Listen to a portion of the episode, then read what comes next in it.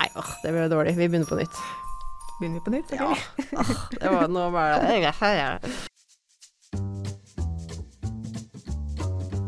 Norskpraten En pod for oss som elsker norskfaget. med Maja Mikkelsen og Stine Brynildsen. Velkommen til denne julespesialen av Norskpraten.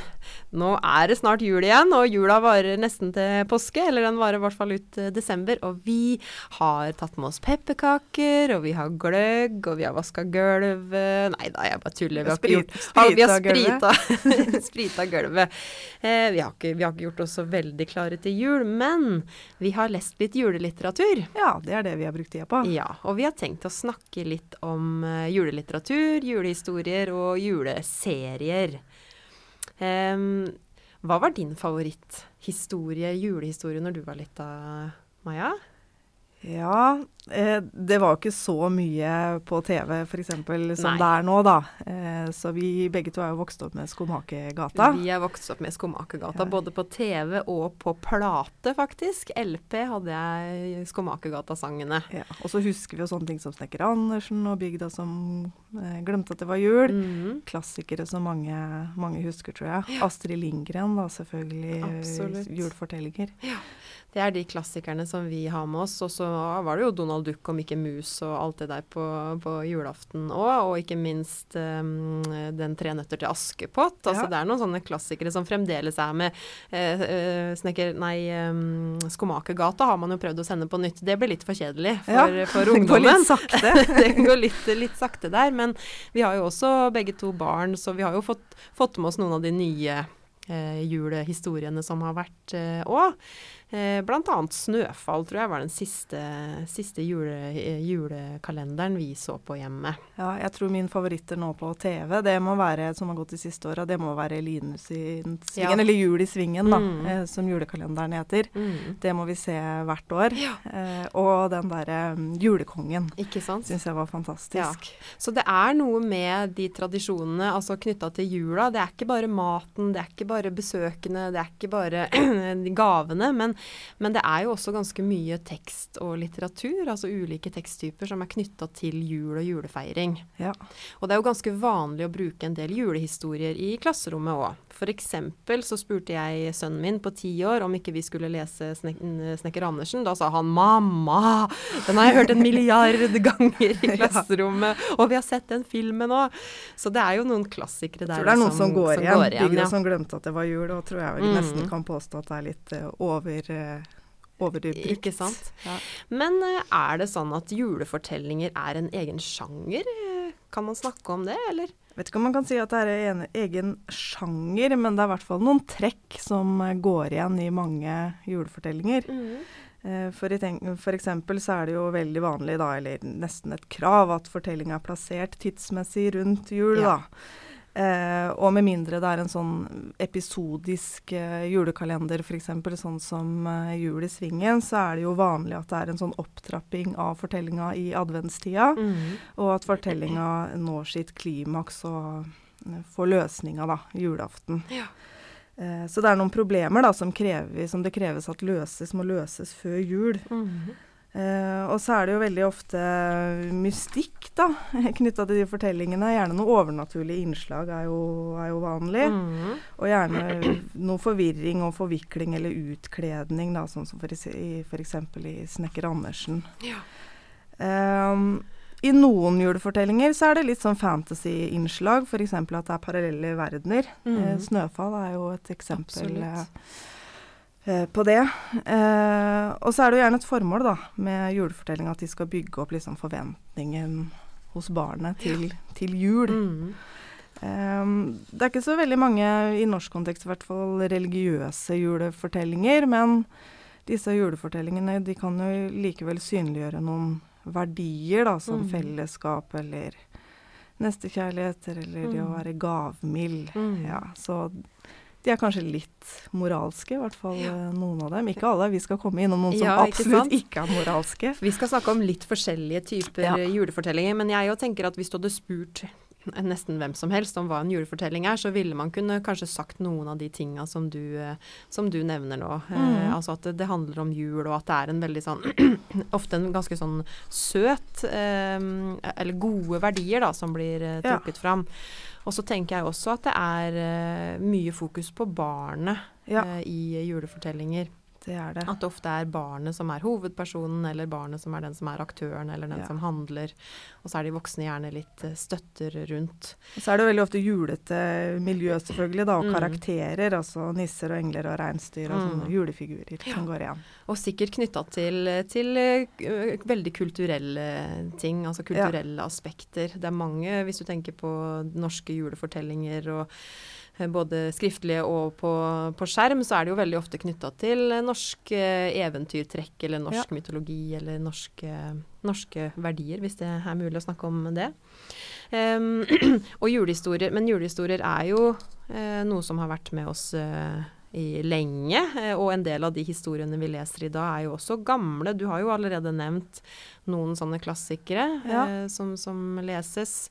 Eh, både Alf Prøysen eh, som jo også har Teskjekjerringa, f.eks., og julehistoriene ja. hennes. Og vi har Astrid Lindgren, og vi har med Emil og Madick Viken. Um, også Elsa Beskow. Mm. Altså, vi har jo også en del svensk litteratur egentlig som mm. vi bruker. Elsa Beskow er jo også én.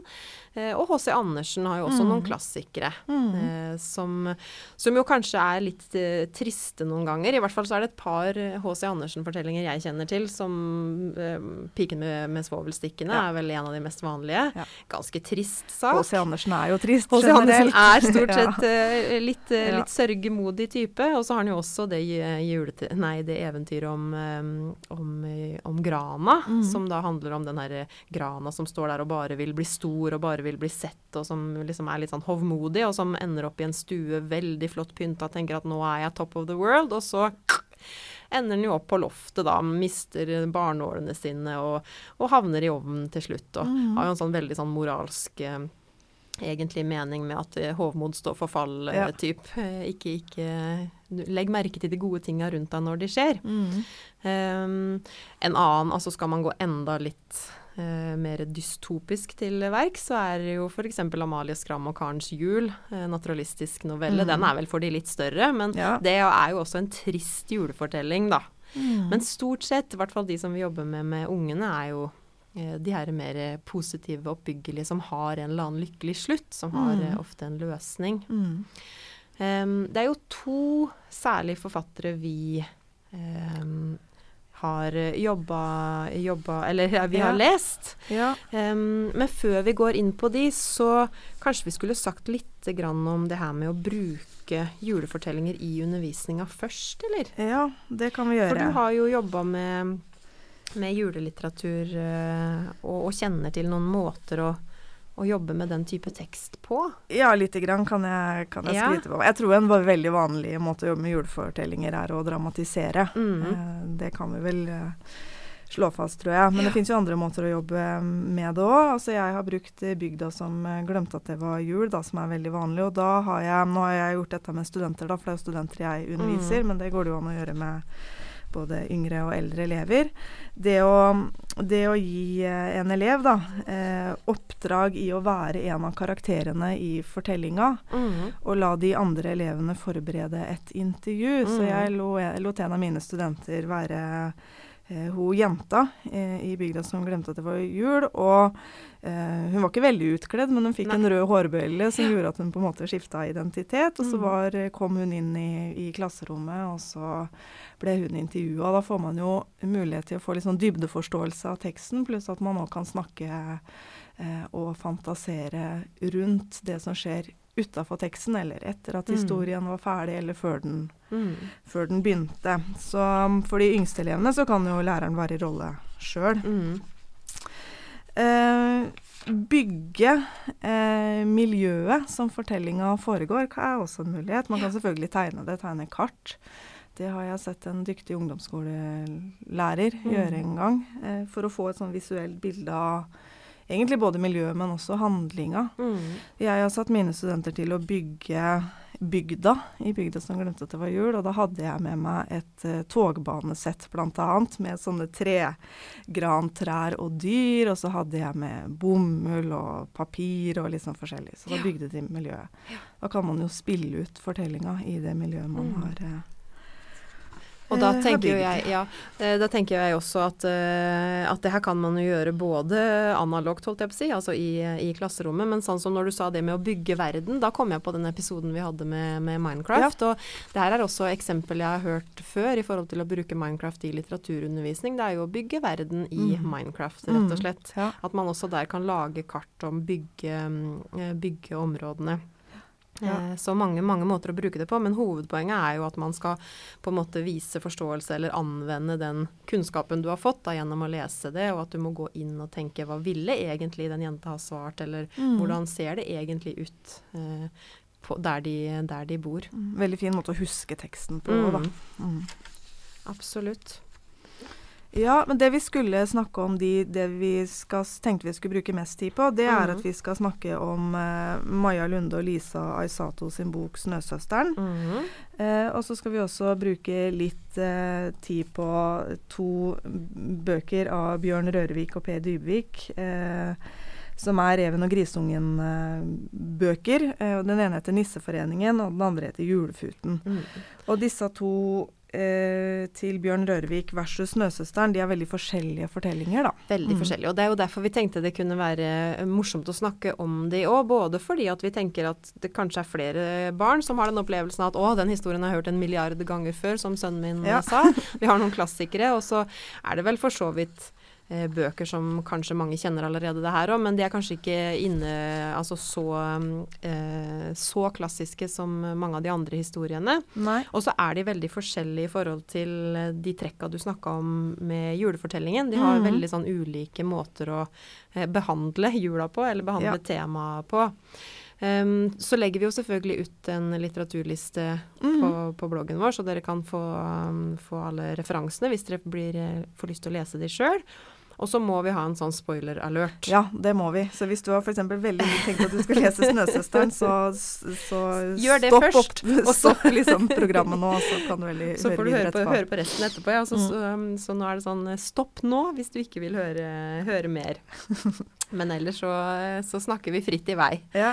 Um, og vi tenkte vel kanskje vi skulle starte litt med Bjørn Rørvik uh, og, og Per Dybvik sine bøker. Ja. Eh, og Bjørn Rørvik kjenner jo kanskje mange fra før òg, i forhold til at han også har skrevet bøkene om Bukkene Bruse. Mm. Bukkene Bruse i badeland, f.eks., som er en helt fantastisk morsom eh, bok, syns jeg, som vi leste opp og ned og i mente hjemme. Mm. Um, og bøkene om um, de, de, to julebøkene her, de er av det mer morsomme slaget. Veldig, veldig gøy. Mm -hmm. ja, Bjørn Rørvik er jo fantastisk morsomt. Mm. Det er mhm. veldig mye eh, leik med språket og veldig mye humor. Så jeg tenker at det er bøker som appellerer til både voksne og barn. Jeg har en sånn dobbel stemme mm. eh, mhm. som gjør at eh, man kan glede seg over det uansett hvor eh, gammel man er. Ja. Eh, ja. skal vi starte litt og si litt, si litt om, om, hva det handler om? Det handler om. -hmm. Eh, det handler som sagt om Reven og grisungen, eh, som er, eh, er, to karakterer da, som går igjen i veldig mange bøker som Bjørn Rørvik har skrevet. Og da kan vi også si at er Bøkene er illustrert da, av Per Dybvik, og han har jo en veldig eh, spesiell strek. Hvis noen kjenner Dr. Proktor og Sveinar Rotta, så har han også illustrert de bøkene.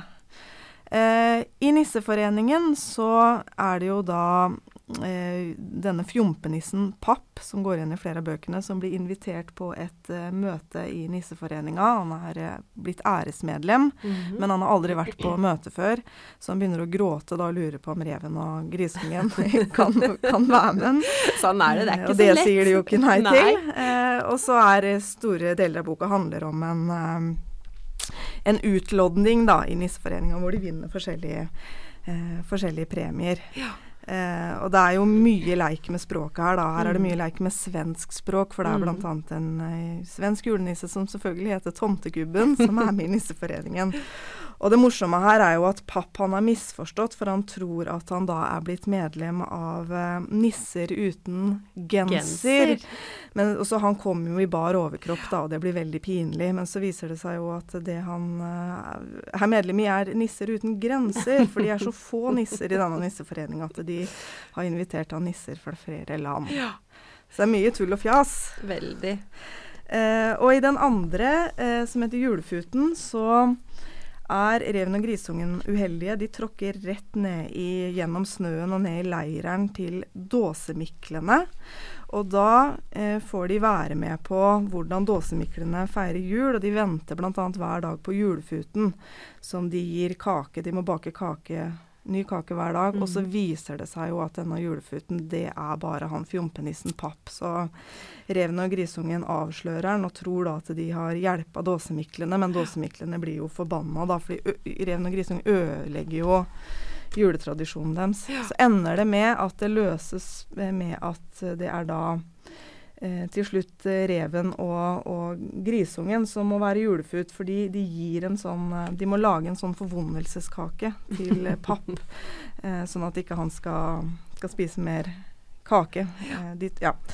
Eh, så det som er, er, typisk for disse bøkene om reven og grisungen, er jo at det er, det er så godt som fritt for moral. Mm. Altså, reven og grisungen er ganske rampete og gjør mye bøllete ting, men det får ingen konsekvenser.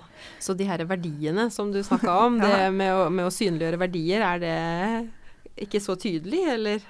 Nei, det er ikke veldig tydelig. Nei. Jeg tenkte det er det som gjør det så, så morsomt. Også, Mm. Men kan vi bruke sanne bøker i eh, skolen, da? Skal ikke, skal ikke bøker være eh, oppbyggelige på et eller annet vis? Hva kan, eh, hva kan, vi gjøre med de bøkene her? Det jeg tenker, for Dette er jo det vi kaller for nonsenslitteratur. ikke mm. sant? At, og nonsenslitteratur kjennetegnes jo nettopp av mye leik med, med språket, språket, og at det er mm. nonsensord som enten ikke betyr noe, eller som får, får nye betydninger. Sånn som julefut er jo ikke et ord som fins. Um, og så er det mye humor, og det er absurde situasjoner og ganske mange ville påfunn. Nei, det, det, jeg tenker at man kan lære av nonsens litteratur, det er jo at man kan lære mye om språk. Mm. Altså ja, at man kan få et metaspråk om språk. Om språk ja. Ja. Og rett og slett bare leke, leke seg litt. Få lov å leke litt med både språket, men òg Jeg tenker det er helt greit å lese litteratur noen ganger som bare er morsom og som man bare kan le av. Men du kan jo òg sette i gang noen seriøse, litt mer seriøse diskusjoner, kanskje. Du hadde jo noen eksempler på på noen påstander òg, som du hadde bedt Var det til ja, den boka, det, eller blander jeg nå? Jo da, det, det, er riktig. Jeg har brukt uh, det har brukt i, med, når jeg underviser i, i annen type litteratur òg. Så ja. det går an å bruke dette her som heter fire hjørner, eller mm. etisk dilemma. For veldig mange, mye litteratur vil jo gjerne ha et etisk dilemma, hvor det ikke er noe liksom, fasitsvar, eller det er kanskje en løsning, men det er ikke nødvendigvis at det er den riktige løsninga. Mm. Eh, så her kan man jo lage forskjellige påstander til teksten. Fire mm. ulike påstander. Eh, F.eks. om eh, om det er riktig, da, reven og grisungen, å lure papp, f.eks. Mm. Og det kan jo være riktig, for han er jo innimellom ganske slem, ikke sant? så han får jo smake sin egen medisin. Og at man lager noen sånne påstander knytta til dilemmaene i teksten, og så får man elevene eller studentene til å gå til det hjørnet mm. eh, der de er mest enig, enig med påstanden, og så få de til å argumentere for den påstanden de har gått for. Da, da kan man få til en uh, en litterær samtale hvor alle er delaktige. Ja. Så kunne man kanskje satt sammen eh, en elev, jeg vet ikke om du har gjort det, men satt sammen en elev fra hvert hjørne til en ny firergruppe. Sånn at man har fire stykk med hver sin påstand, og så må man argumentere med hvorfor man Altså prøve å overbevise hverandre mm. på en måte. da, Kan, kan jo knytte til retorikk eller ja, til argumentasjon, eller, argumentasjon, eller hva det måtte være. Ja. Så det er absolutt mulig å å bruke det her til, til mye òg, selvfølgelig. Mm. Eh, men først og fremst så er vel det her litt annen type julelitteratur. Eh, det er kanskje ikke ja, i forhold til de trekka vi nevnte først, da. Den er jo veldig lite sentimental, og det er jo veldig Altså jula er på en måte bare den ramma rundt, og så skjer det veldig mye ellevilt som vanligvis ja. ikke skjer knytta til de her julefortellingene. Ja. Det er jo tull med juletradisjoner, ikke sant. Mm. Så det gjør jo også at man får sett sine egne juletradisjoner litt sånn utenfra. Mm. At det vi tar for gitt, at vi gjør sånn og sånn og sånn, mm. det blir satt litt spørsmålstegn ved. Ja, roter ja, litt opp i alt det der. Og, og roter litt opp i hva det vil si egentlig å være voksen, og hva det mm. vil si å være moden og hva Altså en voksen mann som ikke tør å gå på et møte, for, for eksempel. Det, det vil vi jo synes er litt rart, vi voksne. Det som også er gøy med de bøkene til Bjørn uh, Rørvik, er jo at voksne kan finne utrolig mye humor ja. i det sammen med ungene. Ja. Og det er jo bøker som er fine både for store og små, tenker jeg. Når det er humor på ulike plan, som, som du skjønner litt sånn alders, er litt sånn aldersbetinga. Det er jo nettopp det, fordi eh, nisser uten genser, det vil jo barnet skjønne at det er morsomt at han kommer uten ja. genser, men den voksne leseren vil jo tenke på leger uten mm. grenser, ikke sant. Men den referansen har kanskje ikke barnet. Uh, ja. Så her, det, her, her, kan det være gøy for, for alle. Mm. Så det er én type eh, mer moderne julelitteratur. Mm. Så er det jo den eh, 'Snøsøsteren' da, av Maja ja. Lunde og Lisa Isato. Som jo er eh, en litt annen type julelitteratur. Eh, både en, en, Rørvik og de her klassiske julehistoriene. Mm. Fordi det her er jo en historie 'Snøsøsteren', som handler egentlig om veldig mange triste temaer. Altså det er egentlig en ganske vanskelig bok, holdt jeg på å si. Mm. Eh, den handler jo om døden. Mm. Det er jo egentlig livet og døden som er det store temaet i, i den juleboka her. Den er um, bygd opp av 24 kapitler. Uh, 24 juleluker, eller hva mm. man skal kalle det. Uh, og så er den jo ganske stor og tjukk, fordi den har jo noen helt fantastiske illustrasjoner som Lisa Isato har, har lagd til, til, boka.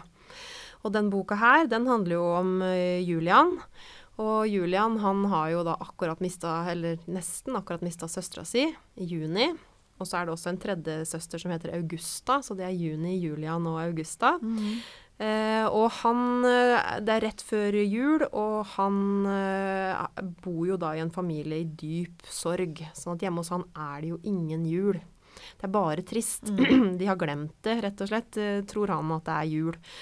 Og så eh, møter han da helt tilfeldigvis Hedvig, som er en jente som er helt store, grønne øyne og rødt, viltert, krøllete hår, og som er en sånn energibombe som ingen andre møter. som ingen andre, Han møter henne bare helt alene, og hun tar han med hjem til sitt fantastiske julehus, som er sånn overdådig pynta med masse julegreier. Selv inn på vaskerom har hun pynta. Ja, overalt. Og de drikker kakao, og det er på en måte, det er så, så hyggelig. Sånn at hennes verden er på en måte det, en, virkelig kontrasten til hans verden, da. Mm. Så, så, så hennes verden er jo en sånn drømmejuleverden.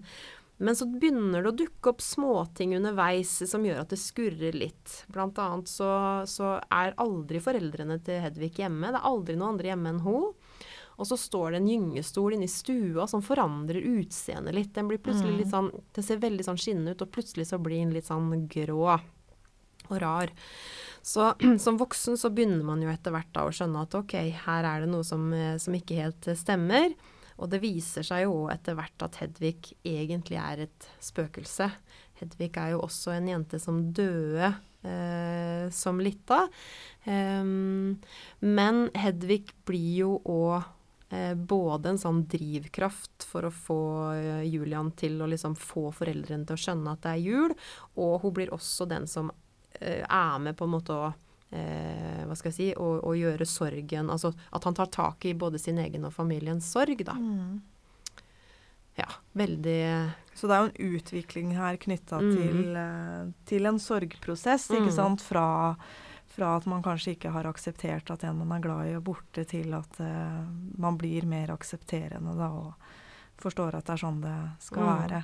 Så Julian han uh, utvikler seg jo, mm. uh, men det gjør jo også kanskje særlig foreldrene hans, mm. da. Uh, mm. og, og, vi ser jo på en måte gjennom Julian sine tilbakeblikk hvordan foreldrene har vært før søstera døde. Vi får høre litt om hvorfor søstera dør, og så ser vi da tydelig hvordan foreldrene er nå, og så starter han da sitt prosjekt. Fordi foreldrene de tror jo det at det å ikke snakke om juni. Det er liksom det, mm. det, er det de må, eller det er det de, de, de snakker aldri om juni. Er, han kaller foreldrene for kopier av seg ja. selv. De mm. snakker aldri om noen ting viktig. De snakker om været. Han er så mm. lei av å snakke om været, mm. sier han. Eh, men så begynner jo da Julian å finne fram bilder, og, eh, og på en måte tar fram søstera da i alles, eh, i alles hukommelse. Og så det, det, er en ganske sterk bok. Det er en veldig sånn uvanlig julebok. Den er eh, ganske sånn trist. Jeg uh, hørte på lydbok, da, så da gikk jeg fram og tilbake til jobb to dager og hørte på lydbok. Og jeg skal innrømme at jeg gråt litt uh, mm. innimellom, altså. Det er ganske den, trist. Ja, uh, jeg leste den jo for min tiåring, og han, han, fry, han syns jo døden er veldig skummelt.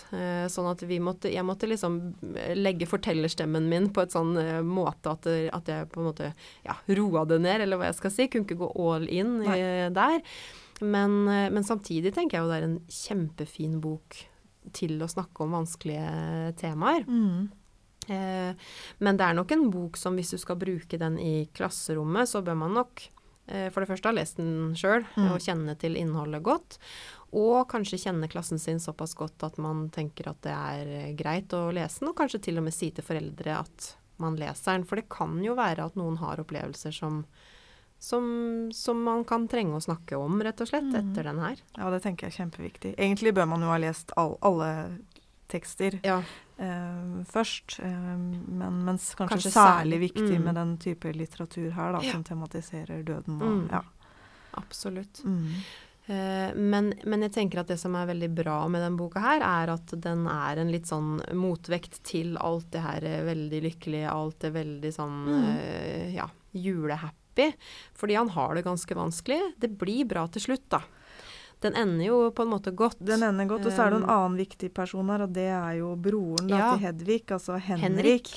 Uh, han, det starter jo med Han blir jo oppfatta først som en litt sånn sinna, sinna mann, mm. eller ja I hvert fall så skjønner ikke Julian helt om han er sint eller uh, sur, eller hva han egentlig Det er han som framstilles som skummel i, i, starten? Ja, han framstilles uh, som skummel. Jeg tenker at han, han er interessant karakter fordi at det er en parallell mellom han og veldig mange andre karakterer i annen litteratur. Altså mm. Det er jo vanlig at det blir et sånt forhold mellom en sint voksen og mm. et et barn, da. Og jeg syns i illustrasjonen til Lisa Isato så ligner han faktisk ganske mye på han derre naboen i um, å, oh, hva heter den juleklassikeren? Nå står det helt stille. Eh, home, eh, hjemme alene. Oh, ja, ja, ja, ja. Han er, er veldig sånn. lik. Eh, og så tenker jeg også på han, faktisk, bestefaren i Heidi. Mm.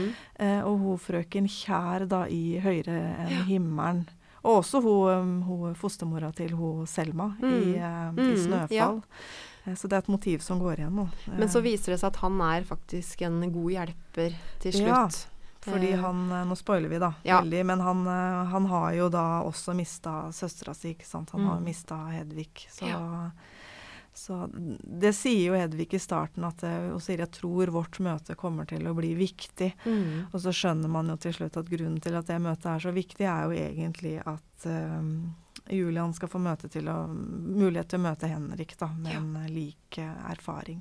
Men det er en ganske Altså det er en bok som både handler om et vanskelig tema, døden. Det er jo en, ett aspekt ved den boka her. Men den handler jo faktisk også om spøkelser. Den handler om overnaturlige mm. eh, ting. Hva, hva, slags type sjanger er det vi, vi snakker om her? Her er det jo liksom fantasy Eh, innslag. da. Mm. Eh, innenfor fantasy-litteratur så skiller man gjerne mellom det som heter high fantasy og det som heter low fantasy. Mm. High og low har ikke noe med kvaliteten på litteraturen å gjøre, så det er bare to ulike, um, ulike måter å lage fortellinger på. I det som heter high fantasy, så er det jo gjerne to helt atskiltende verdener.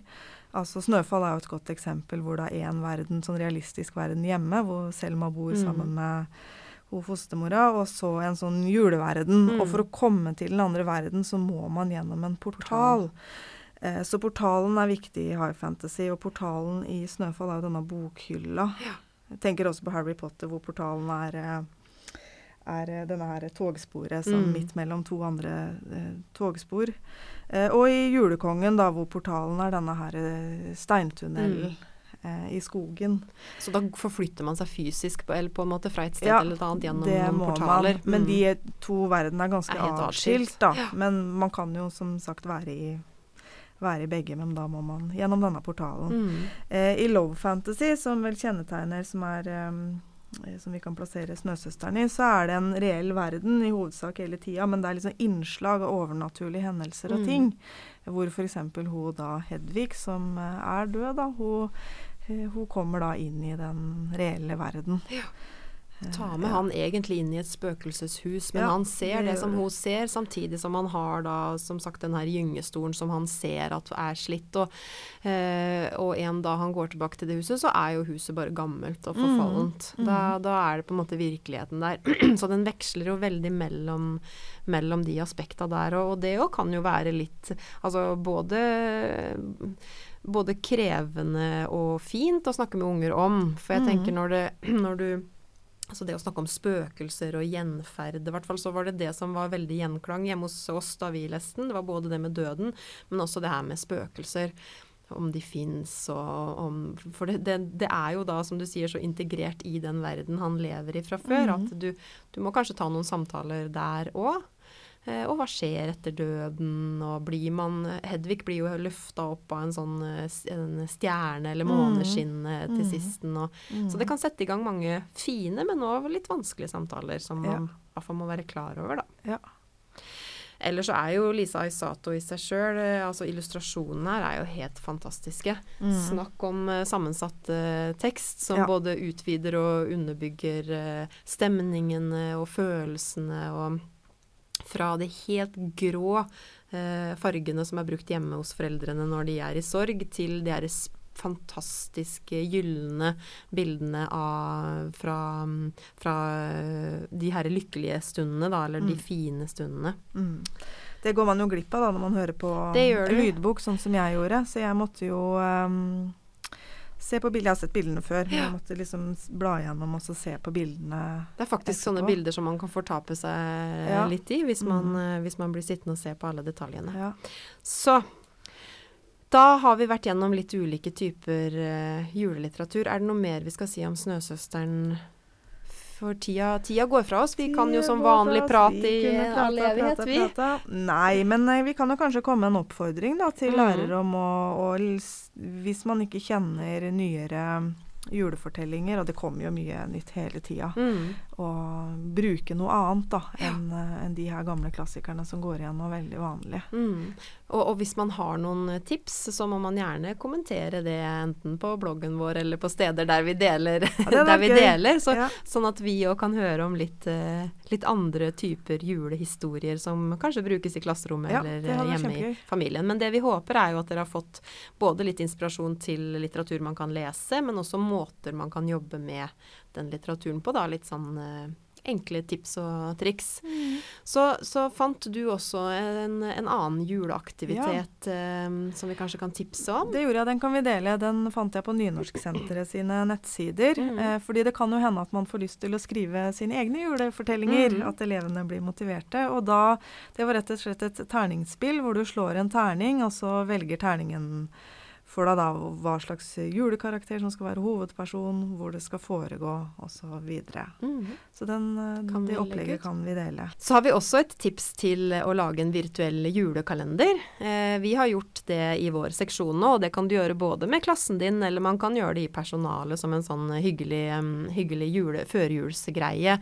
Eh, både i korona- og ikke-koronatider. Eh, men det vi har gjort, er rett og slett å lage en kanal i Teams, i teamet vårt. Eh, den har vi kalt for Virtuell julekalender 2020. Og så har vi fordelt sånn at alle har fått én dato hver. Spørs jo litt hvor mange man er, selvfølgelig. I vår seksjon er vi ti, så der har vi fått i hvert fall to dager hver. Eh, og så har man da fått beskjed om å legge ut en liten julenøtt. Eksempel, og det kan være bare sånn tull, det kan være morsomme ting, det kan være seriøse ting. Du kan gjerne filme det, har vi sagt da. eh, At man legger ut en liten videosnutt. Eh, eksempel har noen spurt om hvor kommer egentlig nissen fra. Da svarte noen Coca-Cola, og så var det noen som hadde et seriøst svar. Og så hadde jeg en, eh, et spørsmål der jeg sa at jeg, jeg, jeg trenger litt oppmuntring, så kan ikke noen fortelle meg noe morsomt, enten på film eller skrive. Eh, og så skal da de andre svare under i en sånn svartråd, og så skal den som har lagt ut gåta, den skal da kåre en vinner. Og det kan bare være sånn morsom, morsom vinner. Eh, som er en fin måte å skape litt sånn samhold på. Litt sånn artig førjulsgreie. Samtidig som hvis du vil bake det inn i noe faglig, så kan du si at det her er både digitale ferdigheter, og det kan være muntlige ferdigheter og skriftlige. Så det kan vi legge ut et lite eksempel eh, på. Så bra. Da håper vi vi har bidratt til litt eh, julestemning Ja, og litt juleinspirasjon. ja, og da er jo dette den siste episoden da i denne sesongen her. Det er det, men Ja. vi skal tilbake med en sesong eh, tre. Det, det satser vi på. Ja, det, det må vi. Ja. Ja. Så riktig god jul. God jul. Norskpraten En pod for oss som elsker norskfaget. med Maja Mikkelsen og Stine Brynildsen.